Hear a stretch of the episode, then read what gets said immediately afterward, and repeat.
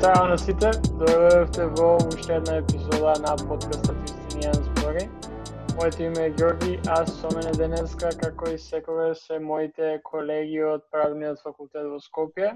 Директно, моментално од Битола, ни се јавува Димитар Тромбевски Тромбе и, како и секогаш, нашиот Джеймс Бонд Никола Донев Донев, кој моментално е во Скопје. Како сме, колеги? Одлично, супер. Во Битола заврши испитна да барем за мене, се полагаше испит да чекам резултат. И сега само остана да се одмарам, како што патем се одмарав последните 5-6 месеци, не ни памтам колку поминае. За, за додиплом се уште трае испита, така што ќе видиме како ќе биде тоа. Да, ја вчера, чекај, да, вчера полагав дека ова сега вторник го снимаме политички партии интересовни групи. Супер поминав. Се зборевме со професорот за социјалдемократија и републиканска партија во САД, така што десетка у индекс. А, на факултет поарав, така што интересно беше. У смисла, конечно некаде кај што сите ги почитуваат мерките. до сега нема видено никаде у Македонија, тоест кај што кај што се движам, освен сега на факултетот, мораш уште на, на влез, маска е all times која си на факултет, те дезинфицира, има обезбедување уште на самиот влез. По двајца ние полагавме во амфитеатар, си има у секој амфитеатар колку што забележав, одредено место кај може студентот да седи додека полара, Тоа е супер, супер поминавме ние како група, додуша помала група сме, нели, полагавме, ама мислам дека имаше и малце поголема група од нашата. Се на се, мислам дека правен е дефинитивно на висина на задачата, не дека сега ние сме отправен па да ги фалиме, ама стварно супер поминавме и мислам дека може слободно и следниве полагање да, да помина така. Ја на Ја на девети ми сам полагам следно, се надевам пак на факултет, ќе видиме што и како. Ама, се на се, браво за правен што сериозни се свати работа, сега да се надеваме дека изборите така ќе поминат, мада малце потешко тоа. Е па добро, чим ги за изборите ќе имаме интервјуа со некои политичари од, од најглавните политички партии со цел да ги прашаме некои прашања, да видиме кои се нивните как, какви се нивните програми, што планират за студентите, што за државата и така натаму и се разбира да најавиме дека за вечерта на изборите ќе одиме лайв директно со најавување на резултати и може да и некои гости ќе викнеме. Да, дефинитивно малце распоредот ќе ни се поремети сега не знам на памет, ама де, е, на 8 знам дека се паѓа среда, ќе имаме епизода, супер епизода. После во петокот, следниот петок планираме е, една епизода со е, еден од политичарите кои што ги е, поканивме да им гостуваат.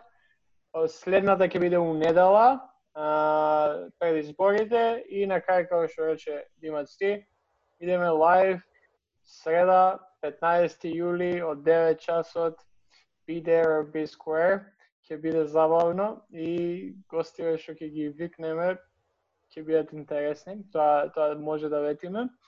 Но да не должиме многу, мислам дека и оваа епизода ќе биде супер. За гостин го имаме матурантот Стефан Митик од гимназијата Орце Никола во Скопје Со него направивме муабет за неговото средношколско искуство, за е, големиот број на, на младински проекти со кои тој е, работи и е активен, како и за неговата одлука каде ќе оди е, на факултет следно.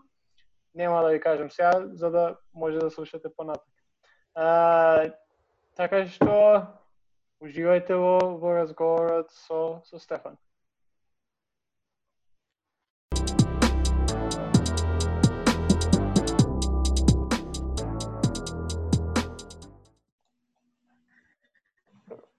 Здраво на сите, добро да дојдовте назад во уште една епизода на подкастот Јустинијан збори. Со нас денеска е мој драг пријател Стефан Митик, кој е матурант во Средното училиште Орце Никола од Скопје и иден студент на Нью Йорк University во Абу Даби. Како си, Стефан? Здраво, Ѓорги. А, супер сум. Пала ти многу на поканата и многу ми е мило што сум дел од оваа епизода на Јустинијан збори. Да, пред да, пред да поминеме на темите за кои што ќе збориме со тебе денеска, сакам да те прашам како како си моментално, како ги поминуваш деновите во за време на короната и како како иде цела ситуација со тебе? Па добро е. А, како што поминуваше времето, така се повеќе се навикнував на тоа како е да се живее со вирусов и го исполнувам времето со тоа што читам книги, гледам ТВ серии и филмови и онлайн се дружам со другарите и другарките. Да, супер. Баш, баш на крај, мислам, ќе збориме тоа на крај, дека ние у секоја епизода која имаме гостин ги прашуваме да ни дадат некоја препорека, така што ќе има доста од тебе препораки кои што ќе можеш да ни ги дадеш за на крај на емисијава. Ама пред се би сакал со тебе да започнам да мислам кога се спремам за епизода, видов, тоест Прочитав дека си бил избран за најдобар млад библиотекар. Мислам 2015, така уште у, у основа. Да. Да. Да. И сега како основа, како да. да, како како се одлучи да да се запишеш токму во Орце и а, как мислам како дојде до таа до таа одлука и зошто?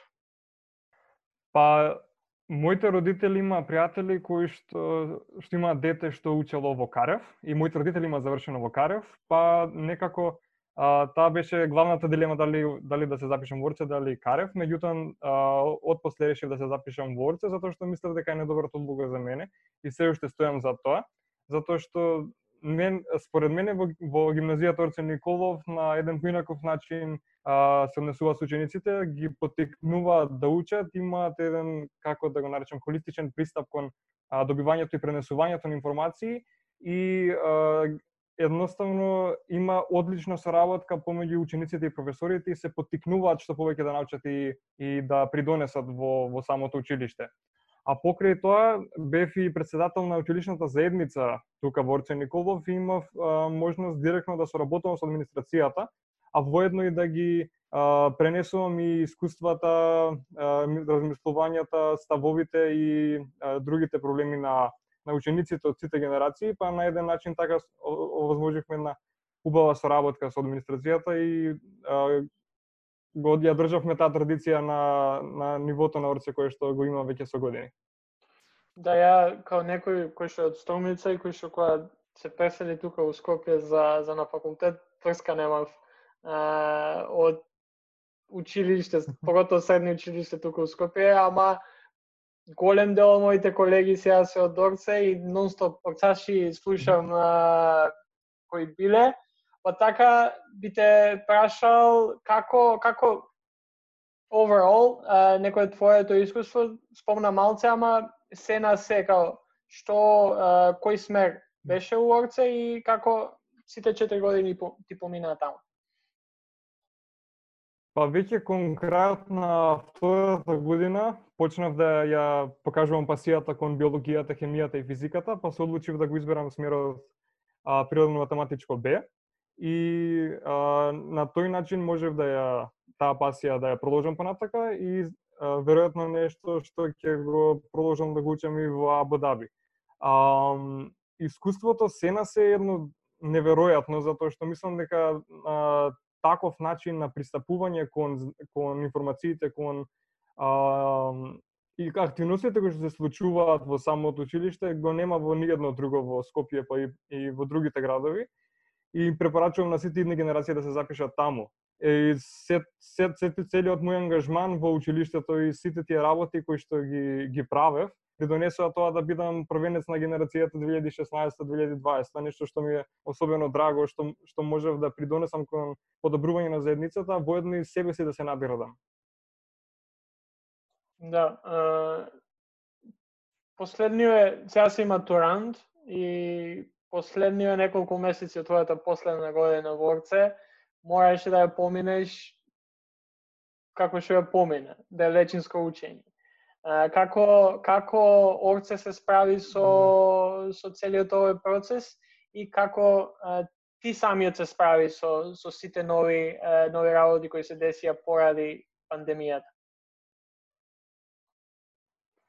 Искрено, за нас матурантите беше неизвестно, затоа што не знаевме дали ќе имаме воопшто државна матура или не.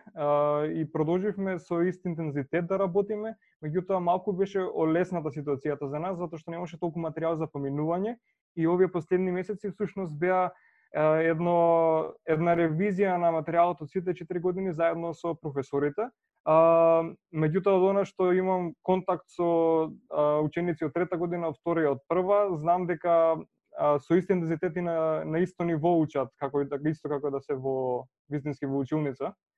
И многу ми се допаѓа тој начин што што е одржано тоа, што може да се оствари таква таков начин на комуникација и што учениците всушност ќе го остварат тоа знаење, туку нема да имаат една дупка која што наредната година не може да ја исполнат.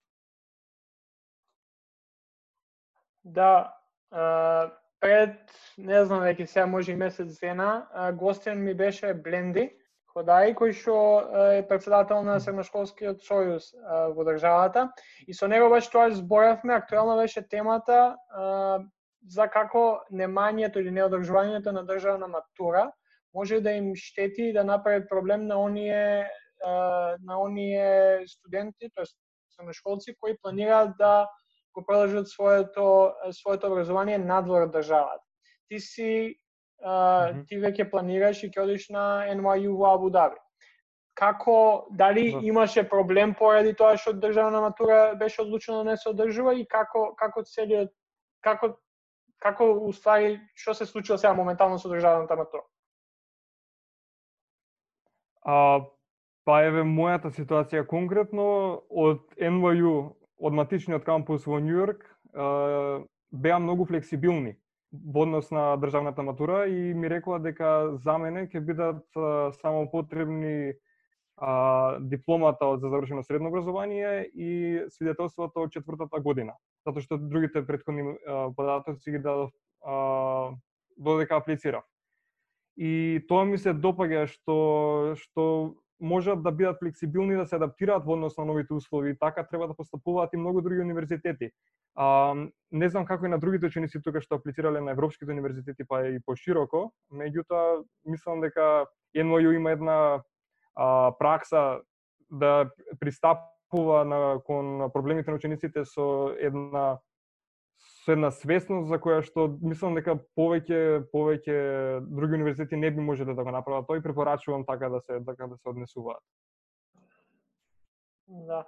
Освен освен тоа што учеше нели уорце, се спремаше за тестови, за испрашувања, пишуваше домашно. се знаеме па од тебе гледам многу работи кои си активен додека учеше на Орце, една од нив е Орце Talks па може на нашите гледачи да ни представиш што представува Орцетокс и како ти беше вклучен во во цела цела цели, целиот овој проект. Орти години а, за време на а, генера... односно генерацијата на ученичката Андријана Пичиновска, која што е а, моментално втора година на Њујоршкиот универзитет во Абу Даби. И таа идеја ја произнесе на еден состанок на училишната заедница и од таму се разви. А Орција Токс е всушност а, тип на организација како TED Talks, а, која што има цел да а, создава настани за едни, за едни футуристички несекојдневни теми кои што не би можеле да ги дискутираме на кафе разговор или или во училиште. Некое нешто што е несекојдневно и на на поинаков начин да се да се а, дознаат такви работи. Um, оваа година јас бев председател наследник затоа што имаме пракса секоја година тој што е четврта година да ја наследи организацијата, па така ќе биде наредната година. И оваа година беше според сите статистики најуспешна година затоа што имавме преку 60 учесници на скоро секој настан и направивме годинава 4 настани. Тие беа со различна тематика, затоа што од оваа година направивме малку поинако концепт, па имавме настан кој што се викаше Имам што да кажам и се зборувавме, зборувавме за општествениот стандард кај младите и кај повозрастните лица. Потоа зборувавме за светлата страна на ситуацијава на COVID-19, зборувавме за колонизацијата на Марс, дали таа представува сон или закана, и дури имавме и гостинка режисерката на Медена земја Тамара Котевска, каде што зборувавме за тоа ако еден ги прекрши правилата, сите ќе страдаат во ситуацијата, поврзано со конкретна ситуација со пандемијата.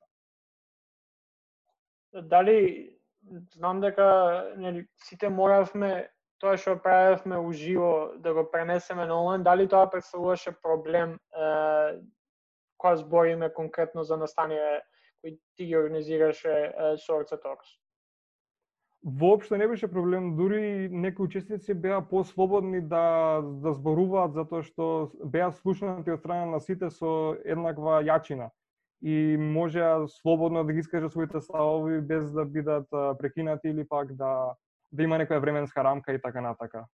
И мислам дека вака и попродуктивно, затоа што сите се фокусираме во е, на едно исто на едно исто нешто во еден даден момент и нема а, од страна некој попре, што попречуваат работи. Да. Да, тоа е супер да се да се случне. А, ние ја и Никола баш ја разборено за ова. Е, правевме мога дека ако не се случише целава ситуација, не може никогаш не може да почнеме подкастот. Така што убаво е да, да се слушаат уште приказни и уште настани кои не прекина само заради а, целава ситуација со COVID-19 и баш е убаво што наши а, средношколци го продолжуваат истото тоа додека се усредно. А, освен Орце Токс, ти имаш учествувано во организ... организација и фасилитација на Erasmus Plus проект во просториите на твоето средно училиште Орце Николов со учесници од Обединетото кралство, Шведска, Германија и Полска. Какво беше тоа искуство и што точно се случуваше на овој проект? А, тоа беше проект создаден од страна на професорки во мојата гимназија и од сите други а, училишта кои што ти ги напомена. Um, и проектот беше со тема Fit for the Future, односно на на секоја тие размени, затоа што имавме размени во, во Велика Британија, имавме во Германија и тука и кај нас. А, идејата беше да се направи некој креативен изум кој што ќе помогне во иднината. И мојата улога беше фасилитација и модераторство на сесиите кои што се одвиваа во текот на тие денови. А, и тоа беше едно неверојатно искуство за мене затоа што можев а, на еден начин Um, да научам како да организирам група на луѓе, како да им пристапам, кои а, разокршечи, односно кои активности би биле соодветни за почеток на дискусии и така натака. И а, едноставно научив повеќе за други култури и имав можност да зборувам со со луѓе од различни а, од различни земји. Не, тоа е едно непроценливо искуство кое што секогаш ќе го носам со себе, затоа што на тој начин добив многу нови размислувања, перспективи и видици погледи, погледи кон светот што не можев да ги добиам со со луѓе од тука. Може би надвор од на рамка на на борба меѓу различните гимназии, особено во Скопје, затоа што некако има има таа култура на компетитивност. А, ти си со така активен и надвор од училиштето, така, така што би почнал овде со со Младински образовен форум, uh -huh. а, затоа што нели како колега дебатер јас бев година и поскоро таму. А, нели ако може да ни каже твоето искуство на дебата, а и понатаму нели работата во Радио МОВ како uh -huh. како дел од тоа. Па а, колегите од од МОВ направија презентација во нашето училиште каде што ги промовира своите клубови дебата учиме право и тогашното медиа арт, сега артивизам. И на еден начин ни ја пренесоа таа порака колку е важно да се биде дел од во настани активности. И за мене тоа беше едно стварно преубаво искуство затоа што и се кое се уште трае затоа што а, дебатата е стил на живот и тоа таа вештина, тоа знаење што се добива за време на на тие предавања е, се непроценливи и ќе и ќе траат за секогаш. А, дебатата ми овозможи да имам поголема самодоверба и а, поаргументирано да се изразувам. Односно да да бидам начитан и да ги да добивам што повеќе информации и а, тие информации да знам како да ги искористам и што од нив да извлечам. И веројатно и тој период се роди мојата пасија за пишување, па одлучив да бидам волонтер во радио Младински образовен форум, каде што бев волонтер новинар, а, и тоа искуство ми овозможи да да добивам различни информации, да знам како да напишам а, вест, репортажа, како да интервјуирам луѓе, како да напишам колумна, односно а, став. И а, таа атмосфера со тие луѓе кои што се во Младински образовен форум не може не може да се спореди со никоја друга, затоа што има толку многу компетентни луѓе во таа организација што што ми дава надеж дека и јас можам да бидам на нивно ниво некој ден. Uh, како и на како и на секој дебатер еден од нај а, најинтересните моменти барем во дебата е националниот турнир а, што организирамов, така што кој кој беше искуството од од тој турнир во 2018 и како ако може да споделиш какви беа тезите и аргументите од од, да. од, од тој настан.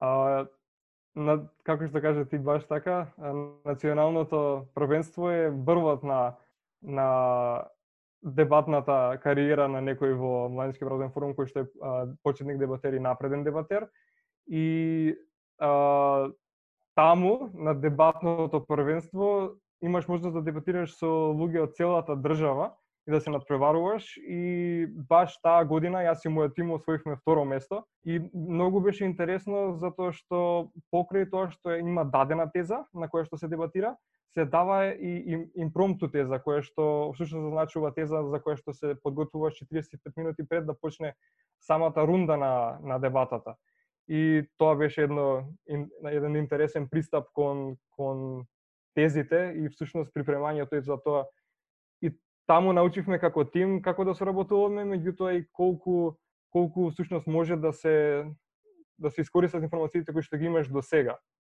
за толку краток период кога си под а, временска рамка. Да. Да, освен, е, спомна, освен тоа што имаш пишувано за, за Радио МОВ, исто така имаш пишувано и за Медиум.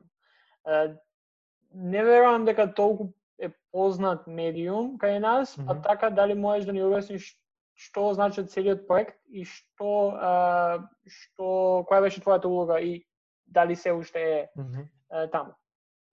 А, средношколскиот весник Медиум е единствениот весник за средношколци во целата држава и представува проект на Институтот за комуникацијски студии, каде што учениците од било која година од средношколското образование директно можат да пишуваат за било која тема која да, и да ги интересира.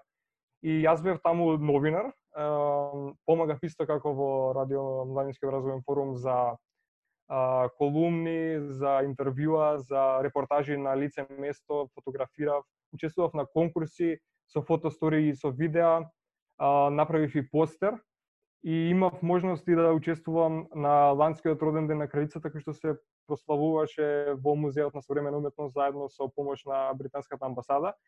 И таму беше тоа искуството да се биде новинар, директно можев да да поставувам прашања и да бидам вклучен во процесите на прашување на на разни познати личности, на политичари, а, филмски уметници, а, актери и многу други важни личности од нашата од нашето општество.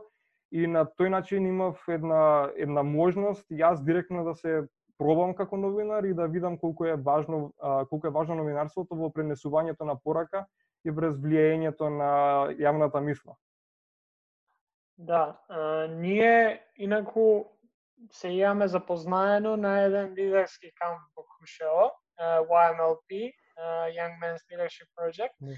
и не знам колку не следиш, ама имавме веќе двајца гости, тоест повеќе гости кои што со кои што зборевме две епизоди, ама повеќе гости со кои што зборевме токму за YMLP и за колку колку е само важен за мене, за Никола, за за сите оние мислам кои што биле на на тој камп, а и откако ќе се вратат, па кој е некое твое искуство од YMLP, прво од кампот, а после и од клубот во Скопје, кој што ќе ти остане во сеќавање и ќе и ти помогна да да бидеш тоа што си денес. Како што каже и ти, а, е едно неверојатно искуство и колку и да звучи вака, да го кажам, чизи, а, на вистина секој кој што ќе пројде низ тој камп станува подоцна лидер во општеството. И тие вредности кои што се учат на тој камп се носат со себе за секогаш. Мене ми беше ми беа многу интересни часовите кои што ги поминувавме, како што беа часовите за а, граѓанска одговорност или за лидерство или за а, животната за учење за животната средина. И многу ми се допаѓаше и ми беше важен тој аспект на тоа што можевме да кампуваме во природа и да ги учиме и тие вештини затоа што денешното општество е дигитализирано и цело време поминуваме пред компјутер така што на тој начин да можеш да се снајдеш во природа сам и со, или пак со помош на, на група на одредени на други луѓе, мислам дека е непроценливо и дека таквите работи треба што повеќе да се потикнуваат и да се прават. И а, самата активност на кампот не застанува кога ќе заврши кампот. Тој продолжува со со клубовите кои што ги има во низ многу градови во Македонија. И а, така јас бев а, лидер за а, распространување на информациите на кампот, односно outreach лидер, и можев да повикувам што повеќе лица да се вклучат во во самата во самиот клуб на на кампот.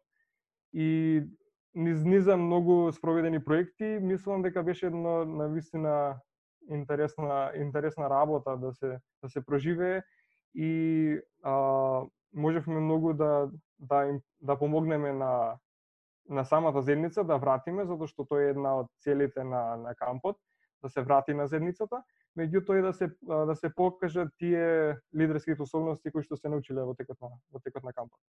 Да и ако можам да додадам само на на ова последното ти што го што го рече за за клубовите кои што се а, во сите делови на државата. А, едно од оние работи кои што токму YMLP кампот го прави камп кај што кој што самиот кажа секој од кој ќе се врати е лидер во својата заедница е а, можноста да биде тој или таа кој ќе бидат тие кои ќе го водат самиот клуб. Ели, има секој клуб има свој ментор кој е најчесто или а, волонтер на мировниот корпус или а, YMLP или Go Alumni кој што веќе е на факултет или а, за, со завршен факултет, но главните водечки сили на, на еден клуб кој го има YMLP Go низ државата се токму средношколците и, и мислам дека тоа е таа алатка да не биде само пошто имаш доста кампови кои што ќе заврши кампот супер ќе биде и на тоа останува.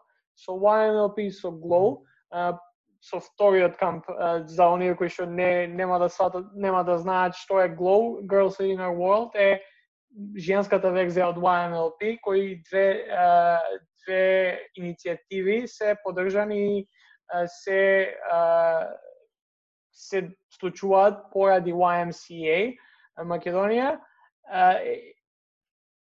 Фактот дека постои можност средношколци да можат од кога ќе се ќе заврши кампот, од кога ќе научат што научиле е, на кампот, да се вратат во своите заедници и да го водат истиот тој клуб, да организираат и фасилитираат настани, да да учествуваат во, и да вратат на заедницата да преку различни сервис е, projects е она што го прави YMLP и Glow уникатни и мислам дека тоа е битно да се напомене кога се зборува, бидејќи постојат многу кампови, ама работава со ваквите лидерски кампови е што после.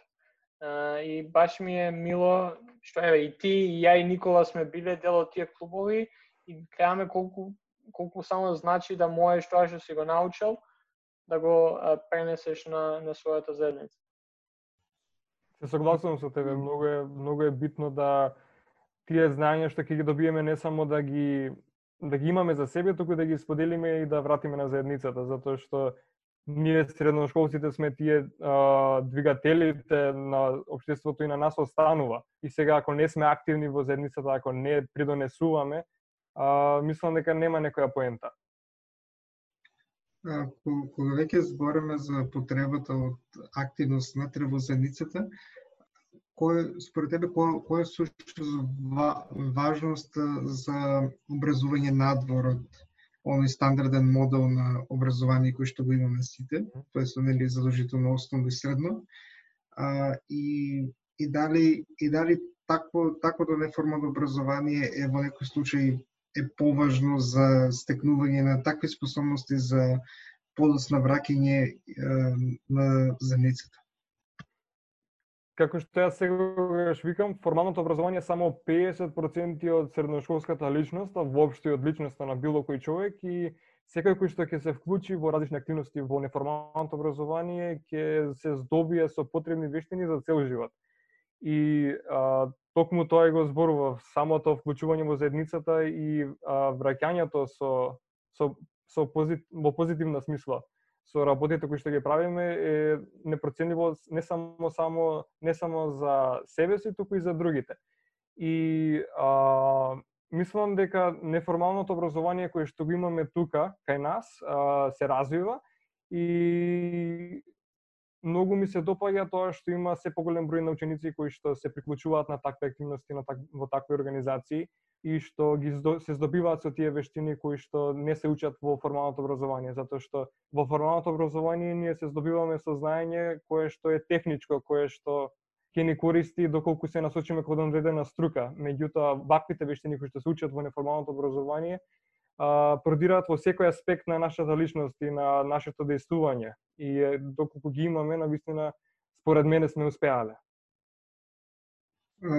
И нели, откако ја поминавме важноста за за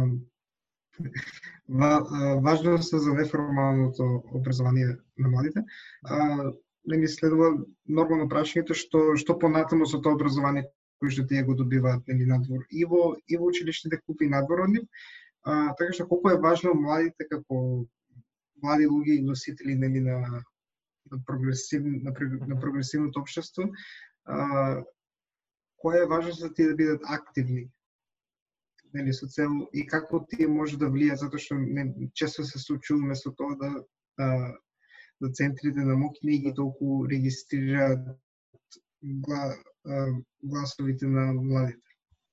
Па, не смееме во никој случај да бидеме пасивни граѓани и со самото тоа што се вклучуваме во активизам и во такви активистички акции, било да е за човеч, човекови права, било да е за младите воопшто, за здравјето, за образованието, било каков активизам е важен. И а, доколку младите се вклучат во такви акции, ќе придонесат а, за себе и за останатите луѓе во општеството.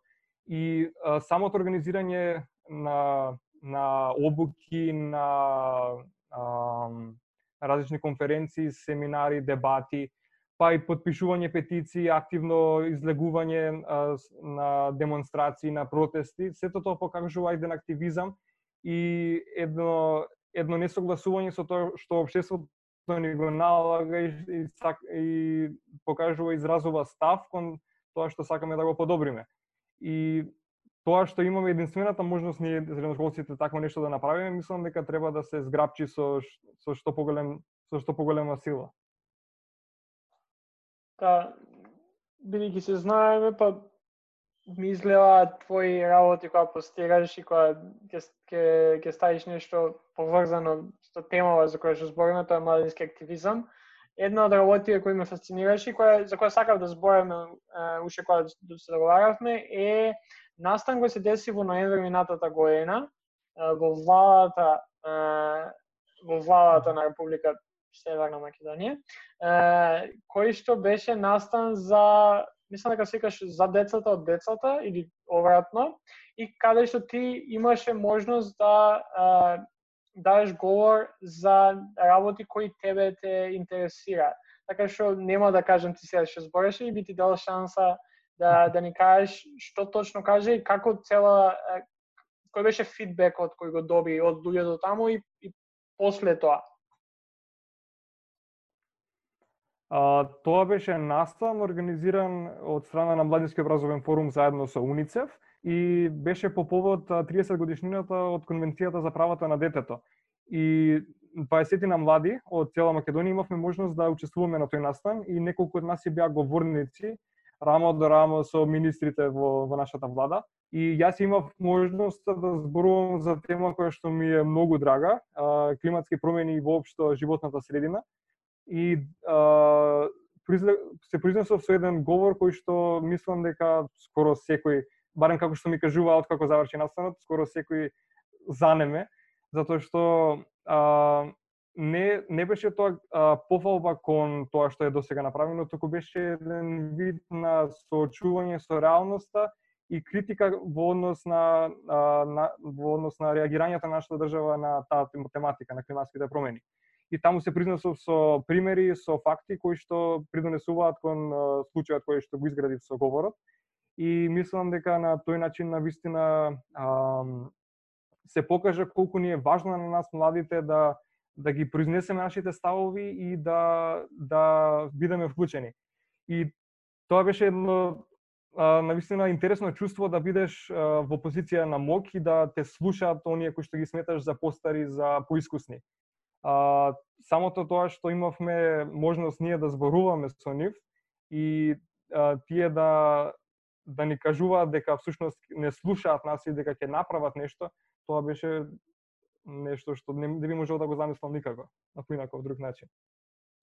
Да, гледаме дека токму средношколци, не само во Македонија, туку на секаде во светот, го, го водат тоа некое движење за промена а, и подобрување на животната средина а, и тоест движењето против климатските промени Fridays for Future Па така би те прашал каква е ситуацијата тука во моментот кога станува збор за тоа и а, сега нели не може да протестираме додека све у корона, за време на корона, ама дали луѓето настрана од средношколците кои навистина се а, учесници во овие протести, дали голема голема маса на голема маса на луѓе ги интересира воопшто нека некоја ваква промена?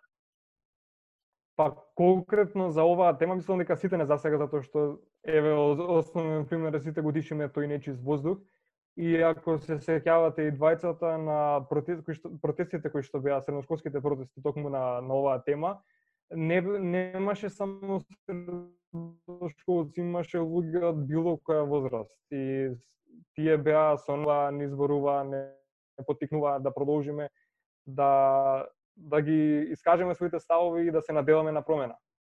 Дефинитивно и се надевам дека во иднина, погото сега особено со сите случувања кои се случуваат во моментот поради светската пандемија, дека од која ќе стивне се ова, ќе се фокусираме токму на климатските промени и на решавање на овој горлив проблем кој што на вистина е сега во моментов после пандемијава најголема опасност за за човештвото. А, би продолжил со пред да пред да почнеме да збориме за твоето а, идно образование, високо образование кое што го планираш во Абу Даби, би сакал да да завршиме некое средношколско а, искуство со член, твоето членство во а, жири комисијата за наградата за мир во 2019. Може да ни појасниш што поточно значи и како ти учествуваш и како дојде во, во можност воопшто да учествуваш на едно вакво нешто? А, наградата за мир прв пат се случи минатата година, тогаш се осмисли и се таа таа цела манифестација се оствари а, како повод за, за манифестацијата беше 75 годишнината од денот Д, 1945 година, токму на бреговите на Франција. И таа награда а, всушност промовира мир, еднаквост и слобода а, помеѓу различни држави во светот. Ја имав таа можност да учествувам со тоа што се пријавив на, на самата на самата страница а, на а, Мир за во Нормандија, која што е всушност организација заедно со поддржана заедно со Институтот за а, мир и човекови права во КН во Франција. И а, процесот на аплицирање беше многу лесен. Требаше да испратам а, мое мотивацијско писмо и CV и а, да напишам есеи за тоа што значи за мене слобода. И од таму ми избра да бидам единствен представник од целата држава кај нас. Па и од целиот Балкан имаше заедно уште еден учесник од Бугарија. И ние го представувавме целиот Балкан на оваа манифестација. Имавме можност да избираме кандидат токму за оваа награда и покрај покрај избирањето на кандидатите ја, го прочитавме и целото и регион и ја се здобивме со таа богата историја на на тој регион и научивме толку многу. И не само што учествував и ги искористив сите овие вештини кои што ги набројав предходно во интервјуво, А, јас имав можности да комуницирам со луѓе од а, Малезија, од Мавританија, од а, Велика Британија, од Канада, од Соединетите Американски држави и многу ми беше интересно што сите заедно се вклучивме кон една заедничка цел промовирање на наградата и одбирање на кандидат што ќе ја представува токму неа.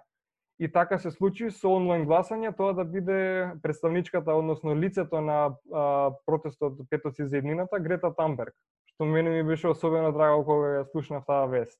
И самото таа самата таа манифестација е дел од една поголема поголема организација која што се нарекува а, Форум за слобода, кој што се случува сека година во јуни во Каен во Франција.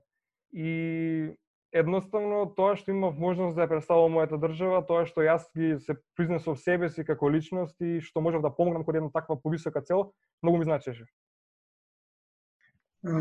и мислам, иако од почетокот спомена дека дека се насочуваш повеќе кон природни науки, така што ми мене беше сега јасно зашто NYU Абу Даби, но сепак сакам од, од твоја перспектива да слушаме зошто баш NYU Абу Даби со оглед тоа дека е дека далеко од овде, дека е целосно нова култура, дополнително што е Абу Даби и секој пре, самиот престиж на, на NYU.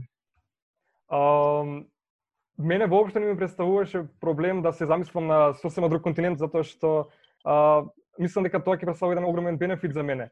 А, исто така беше важно и поддршката од моите родители и од пријателите и иако представуваше голем чекор кон тоа да се насочиш таму да да учиш, а, сепак мислам дека го направи вистинскиот избор затоа што NYU е Liberal Arts College, што значи дека имаш можност да учиш а, различни предмети и воопшто да не се ограничуваш на кон едно нешто.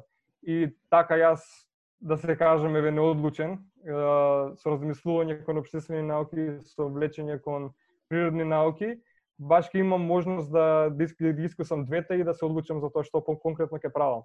А ми се допадна и Абу Даби, посебно и локацијата, затоа што е на тромеѓето помеѓу Европа, Азија и Африка и е еден од најважните градови во иднината кој што кој што ќе представува една светска престолнина. И а, ми се допадна исто како и за наградата за мир, тоа што ќе имам соученици од преку 150 држави, што ќе се зборуваат преку 100 јазици и што ќе можам директно да црпам нивните искуства и да ги представувам, да ја представувам мојата култура, мојата, моите традиции, навики и така натака. Да, дали е, некој последно прашање кое би го имал за тебе, пред да преминеме на препораките, дали поради ситуацијава сега со COVID-19, од дењето во Абу Даби и започнувањето на целиот овој процес кој за тебе ќе биде за прв пат високо образование, дали тоа е пролонгирано или се иде по плана? А, самиот универзитет нуди опција да се избере празна година gap year. А, меѓутоа, за оние ученици кои што ќе се одлучат како мене да продолжат со студиите од оваа година регуларно, а, останува исто. Е сега универзитетот а, се уште нема одлучено за тоа како ќе се одвива самата настава, дали ќе биде виртуелно, дали ќе биде во живо, меѓутоа од она што ни, од она што се зборува и од она што ни прати еден мејл, се таму кажуваат дека се надеваат дека до пролетта во 2021 ќе можат да ги да им посакаат да добре дојде на сите ученици на на кампусот во Абу Даби. Меѓутоа сега за сега како што налагаат а, законите и регулар, регуларностите во во државите од кои што доаѓаат учениците, така ќе се постапува. Односно ако една држава ги отвори границите и ако им дозволи учениците да патуваат, тогаш тие ќе можат да имаат опцијата да учат на кампус.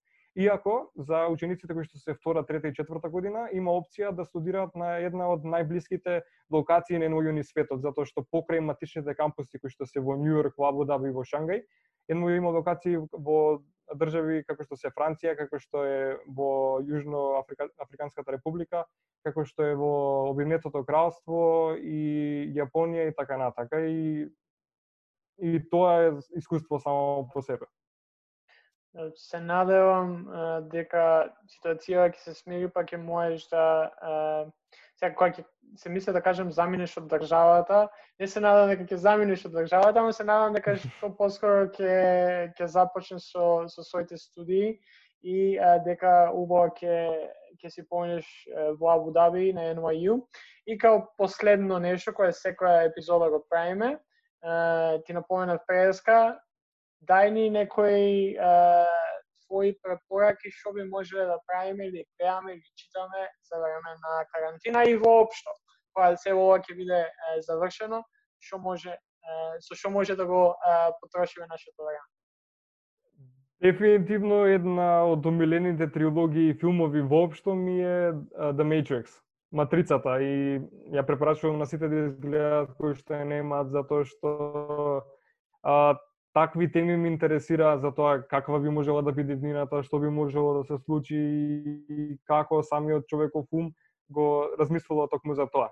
Од а, ТВ серии би препорачал The Good Place, која што е серија за а, животот после смртта, за тоа дали ќе одиме во доброто или лошото место и што го диктира тоа, а и серијата Black Mirror, а, која што е ги представува едни такви технолошки футуристички а, настани кои што се случуваат и баш интересна и релевантна е во моментов затоа што на, на поставено прашање нели дали ќе се снима шеста сезона, тие рекле ја живееме сезоната моментално и тоа ми беше така многу интересно да го да го прочитам.